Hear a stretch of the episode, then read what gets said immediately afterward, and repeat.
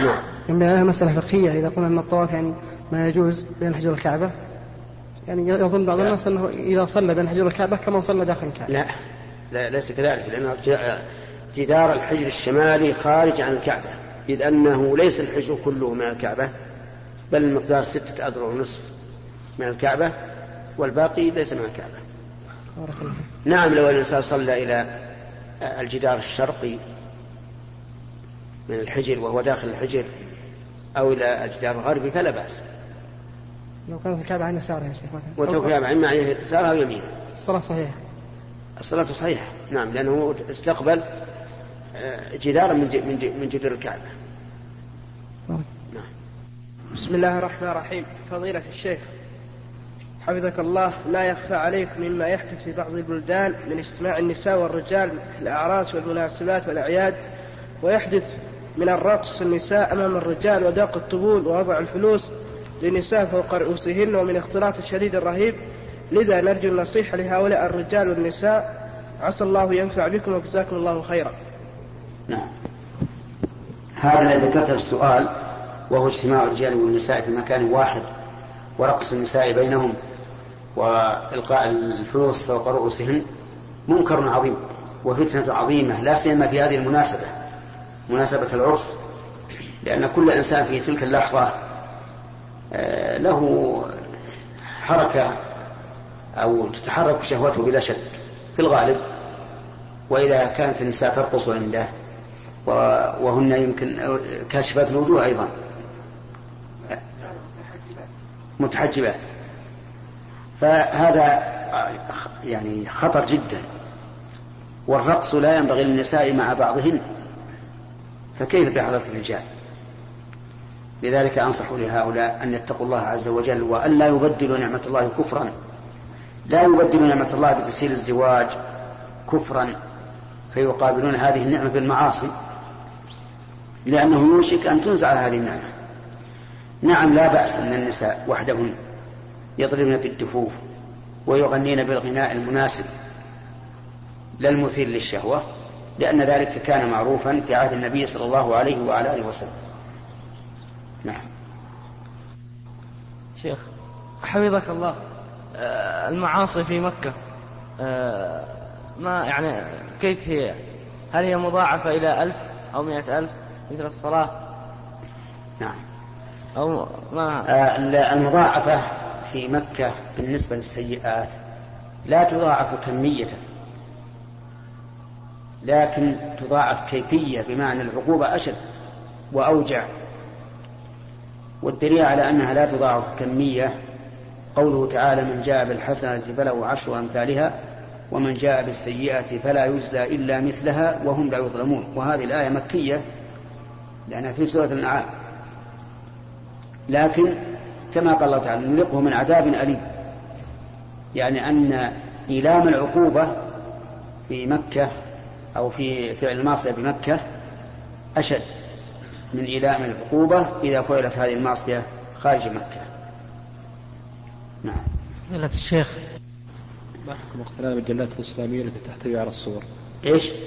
ما حكم اقتناء المجلات الإسلامية التي تحتوي على الصور؟ آه، المجلات الإسلامية وإن شئت فقل المجلات عموما إن اقتناها الإنسان من أجل ما فيها من الصور فهذا حرام ولا إشكال فيه. وإن كان اقتناها من, اقتناها من أجل ما فيها من الفوائد ولكن الصور لا يبالي بها سواء فيها أو ليس فيها. فأرجو أن لا يكون به بأس لأن آه، مشقة التحرز من الصور في كل جريدة وفي كل مجلة ظاهرة. وما فيه المشقة فالمشقة تجلب التيسير. لكن الاستغناء عنها أحسن. وفي الكتب الشرعية ما, ما هو خير وأولى. نعم. بسم الله والصلاة والسلام على رسول الله. حفظكم الله. ذكرتم الليلة الماضية بالنسبة إلى حديث الرسول صلى الله عليه وسلم حديث أبي هريرة. أن النبي صلى الله عليه وسلم قال إن أمتي يدعون يوم القيامة. يدعون. يدعون يوم القيامة غرا محجرين من أثر الوضوء فمن استطاع منكم أن يطيل غرته فليفعل. وقلت من قول أبي هر... هذه مدرجة من قول أبي هريرة ألا وهي من استطاع منكم أن يطيل غرته فليفعل. ذكر ابن حجر حفظه الله. بالنسبة إلى هذا رحمه الله. رحمه الله آه ذكر حديثا آخر ثم قال آه هكذا رأيت النبي صلى الله عليه وسلم يفعل. نعم. أي الحديث هكذا رأيت النبي صلى الله عليه وسلم يفعل. فقال هذا رد على على من يقول أن هذه مدرجة. ف... هذا الحديث الذي أشار عليه هو في مسلم. لكن ليس فيه أن أبا هريرة آه، خرج عن حد الوجه. إنما فيه أنه غسل ذراعيه حتى أشرع في العضد وغسل رجليه حتى أشرع في الساق. وهذا لا ينكر لأنه لا يمكن أن تغسل المرفق إلا إذا أشرعت في العضد. ولا يمكن أن أن تدخل الكعبين في الغسل إلا إذا أشرعت في الذراع. وهذا صحيح لكن الزيادة هي التي ليست ليست بصحيحة هي من اجتهاد أبي هريرة وليست بصحيحة لأن جميع الواصفين لوضوء رسول الله صلى الله عليه وعلى آله وسلم لا يرون أنه لا يذكرون أنه كان يتجاوز الكعبين يعني بشيء كثير.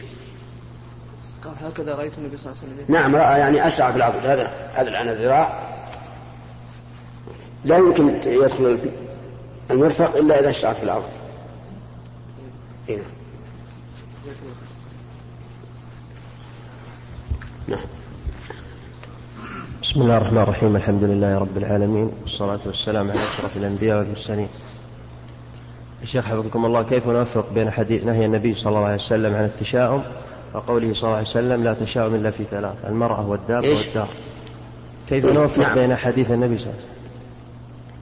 حديث نهي النبي صلى الله عليه وسلم عن التشاؤم وقوله صلى الله عليه وسلم لا تشاؤم إلا في ثلاث الدابة والدار وال الدابة والدار والزوجة. نعم التشاؤم هو التطير بمرئي أو مسموع أو زمان. فيتطير مثلا من النكاح في شوال كما يفعل أهل الجاهلية. أو يسمع صوتا يكون فيه مخالفة لما يريد فيتشاءم أو يرى طيرا يطير أو ما أشبه ذلك فيتشاءم والتشاؤم منهي عنه لأنه يؤدي إلى سوء الظن بالله. وإلى عدم الإقدام على ما فيه مصلحة العبد وإلى التذبذب في أموره وربما يؤدي إلى الوساوس التي يحصل بها المرض النفسي. فلهذا نهى عنه النبي عليه الصلاة والسلام. وأما الشؤم في ثلاث في الفرس والمرأة والدار فهذا ورد الحديث فيه على وجهين. وجه الشؤم في ثلاث. وجه آخر إن كان الشؤم في شيء ففي ثلاث.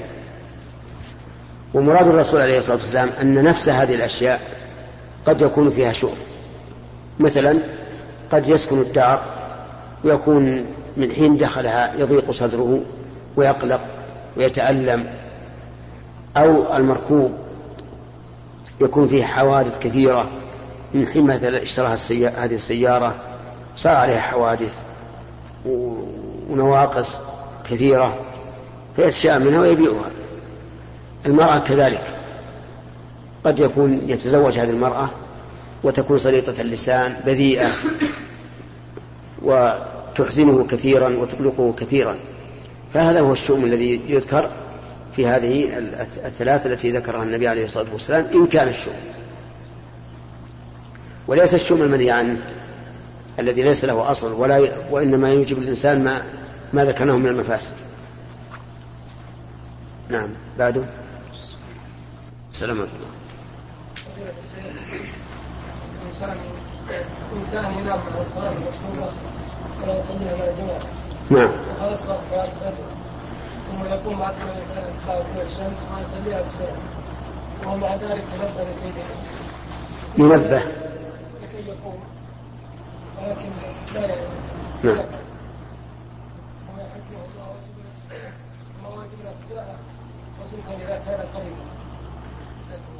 أما واجبكم تجاه هذا الرجل فهو النصيحة أن تنصحوه وتخوفوه بالله وتبينوا له ما في ما في المحافظة على الصلاة من الأجر والثواب.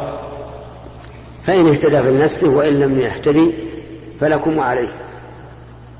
أما بالنسبة لفعله فهو إذا كان يستيقظ ولكنه يتكاسل ويضع رأسه على الوسادة فإن صلاته بعد طلوع الشمس لا تقبل منه ولا تنفعه عند الله.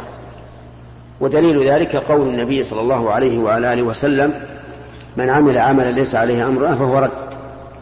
ومن المعلوم أن من لم يصلي صلاة الفجر إلا بعد طلوع الشمس قد عمل عملا ليس عليه أمر الله ورسوله فيكون عمله هذا مردودا ولا تقبل منه. فبلغوه عني ذلك أن صلاته إذا كان يوقظ ولكنه يتكاسل ويبقى نائما فإن صلاته بعد طلوع الشمس لا تقبل منه وسوف يحاسب عنها يوم القيامة. نعم. بعد. السلام ورحمة الله.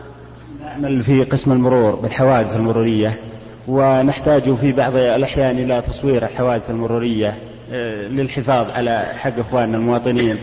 ويدخل بعض الناس الموجودين في الحادث نبعدهم ولكن يدخل بعضهم فتأخذ الكاميرا الرجال هذا ضمن الموجود خصوصا إذا كنا بالبلد. أما خارج البلد ما يحصل الشيء هذا. فما الحكم فضيلة الشيخ؟ وهل إذا صار في شيء إننا مثلا نترك العمل أو اذا صار هذا العمل ليس به بأس لأنه تصوير لمصلحة بل لحاجة أو ضرورة. ولا يضر إذا إذا كان تصوير هذا المكان يدخل فيه من ليس له من, من ليس طرفا في الحادث. ومن المعلوم أن التصوير بالكاميرا ليس هو الذي أراده النبي عليه الصلاة والسلام فيما نرى. لأن النبي صلى الله عليه وعلى آله وسلم إنما لعن المصورين الذين يظاهرون يظاهرون بخلق الله. ثم هو مصور يعني فاعل للصورة.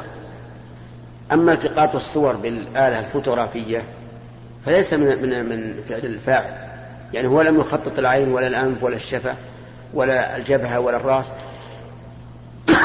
غاية ما هنالك أنه حبس هذه الصورة التي هي من فعل الله عز وجل. في هذه البطاقة. ويدلك لهذا أنك لو كتبت إلى شخص كتابا بيدك ثم أدخل في آلة التصوير ثم خرج هل يقال إن هذا كتابة الذي حرك الآلة؟ لا. نعم. إنما هو كتابة الأول نعم. لكنها حفظت بواسطة المواد التي طورها الناس الآن في هذه البطاقة. فلا تدخل في التصوير أصلا. لكن إذا كان الإنسان يصور بالآلة الفوتوغرافية الفورية ليحبسه عنده ويقتنيه ويقتنيه فهذا ممنوع لا لذاته ولكن للغرض المقصود منه. والمقصود الذي تريدونه أنتم بتصوير الحوادث غرض آه، آه، مقصود صحيح وأمر لا بد منه. نعم. المهم ابقوا على ما أنتم عليه ولا, ولا حرج عليكم. جزاك الله خير. يا شيخ بكار أنا شخص مكان إقامتي الدائم في القصيم. ثم أذهب أحيانا إلى الرياض لزيارة الأهل. ولي مثلا غرفة هناك وأجلس عندهم يومين ثلاث أيام. فهل يحق لي أن أقصر الصلاة إذا صليت منفرد؟ وهل يعني حكم حكم المسافر؟ نعم حكمك حكم المسافر لأن وطنك هو القصير وزيارتك لأهلك زيارة المسافر. ولهذا قصر النبي عليه الصلاة والسلام في مكة وكان بالأول ساكنا فيها له فيها دور. لكنه آه، لما هاجر صار وطنه المدينة. فأنت إذا ذهبت إلى أهلك فأنت مسافر. ولكن يجب عليك أن تصلي مع الجماعة ما دمت سمعت الأذان وعلمت مكان المسجد. إنما لو فاتتك الصلاة فلك أن تقصر. وكذلك لو كان عليك جوارب فلك أن تمسح ثلاثة أيام وكذلك لو كنت في رمضان فلك أن تفطر. نعم. نعم شيخ السلام عليكم. إنسان يا شيخ عنده زوجتين إحنا ذكرنا أن السلام غير مشروع لأن الصحابة كانوا يسألون الرسول بدون أن أن يسلم نعم. جزاك الله خير يا شيخ. إنسان عنده زوجتين يا شيخ. نعم. ومن المتعارف عليه عندنا بالبلد الطلاعة بعد النفاس. هل هو مجبر إنه إذا ولدت واحدة من الزوجتين إنه يعطي ثنتين من باب العدل ومنع من المشاكل أو يعطي اللي ولدت بس؟ حتى مثلا لو تأخرت الثاني ما ولدت سنة سنتين ثلاث الأصل أنه لازمه أن يعطي الأخرى التي لم تلد. كما أن الأخرى التي لم تلد إذا ولدت والثانية لم تلد فإنه يعطيها ولا يعطي الثانية. والعدل أن أن يسوي بينهما في العطاء. بمعنى إذا أعطى التي ولدت أولا مئة يعطي الأخرى مئة. إذا ولدت ولا ولا لما ولدت لا إذا ولدت ولازم قبل أن تلد. لكن إن كان يخشى من مشاكل ورأى أنه يعطي الثنتين جميعا كلما ولدت الواحدة أعطى الثنتين دفعا للمشاكل فهذا طيب من باب التأليف. في بالنسبة يا شيخ للتصوير بكاميرا الفيديو. نعم. الرحلات البرية أو الاحتفالات لغير الضرورة ما هو الحكم؟ أرى أن لا, أن لا يصور مع أنه حلال لأن هذا التصوير يؤدي إلى ضياع مال في غير فائدة وربما يكون الإنسان كلما أراد أن يتلهى ذهب يراجع هذا المصور فأرى أن لا تصور أيها الأحبة يسعدنا أن نكمل ما تبقى من هذا الشريط بهذه المادة. يقول ما الحكم في طواف الوداع؟ لمن وكل من يرمي عنه لعذر واتفق معه أن يرمي أول الوقت ثم يقدر مدة رمي ويطوف بناء على غلبة الظن أن الوكيل قد رمى. وفيه وما الحكم إذا تبين طوافه قبل رمي الوكيل؟ الحكم إذا تبين قبل, قبل رمي الوكيل فإنه لا عبرة به يعني يلغى. وأما إذا لم يتبين وبنى على غلبة الظن كفى. هل يصح حج رجل رجل الأمن في لباس في لبس العسكري؟ الحج يصح لا شك فيه. لأن غاية ما فيها أنه ارتكب محظورا لحاجة لأن عمل العسكري لا يتم باللباس المدني. فيكون هنا يلبسه لحاجة ويفتي فتية أذى عن تغطية الرأس وعن لبس المخيط.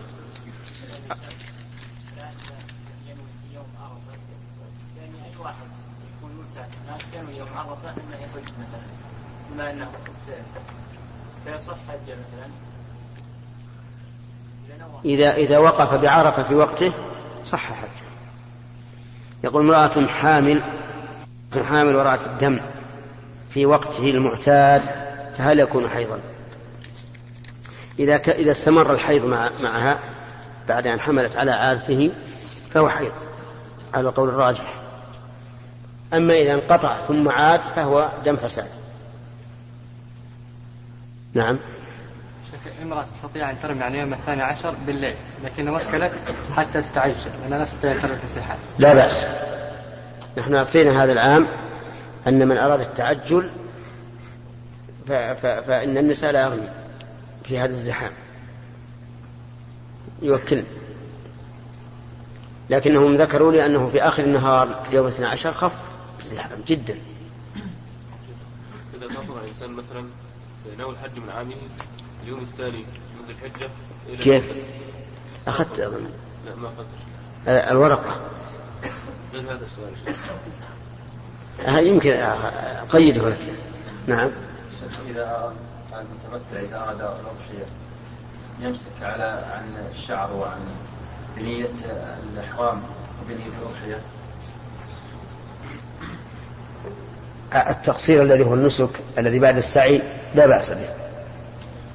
وأما التنظف اللي عند الإحرام فلا يقص الشعر ولا يقلم الأظفار منهي عن قص الشعر للأضحية. أقول لك لا يقص الشعر عند الإحرام. بعد السعي. بعد السعي يقص لأنه نسك. النسك ما أنه نهي نعم. من المعلوم لحديث أسماء أن مأذون آه، حتى قبل الفجر إذا وصلوا إلى. فهل للمصاحب لهم أن يرمي؟ أي نعم. وليس بضارب لكن يصاحبهم. لا بأس. لا بأس أن يرمي لأن قول الرسول عليه الصلاة والسلام فيما يروى عنه آه، أنه قال ابن عباس أبينية لا ترموا حتى تطلع الشمس. هذا الحديث منقطع ليس لا, لا يستدل به. وإن كان بعض الناس صححه لكن ليس, ليس بصواب. تصحيحه وليس بصواب. نعم. أحد الأئمة جعل خطبة العيد خطبة واحدة. وقال أن النساء آه، لهن الخطبة الثانية والآن تغتنم الحاضر فسمعنا عن طريق المكبرات فجعل خطبة واحدة هل هذا العمل صحيح؟ لا بأس ما, ما, ما فيها بأس. أقول لا بأس بهذا. نعم. الحاج هل يستطيع أن يكون اليوم اليوم التاسع اليوم التاسع؟ من هو المتمتع؟ من تمتع بالعمرة؟ طيب. وإلى تدل على إيش؟ والغاية ما بعدها لا يدخل فيما قبلها. وهذا يدل على أنه آه، لا يمكن أن يكون تمتع إذا دخل وقت الحج. نعم حتى في الثامن ما دام دخل وقت الحج وهو صباح ضحى يوم الثامن فاجعله حجا إما إما قرانا أو إفرادا. وقت.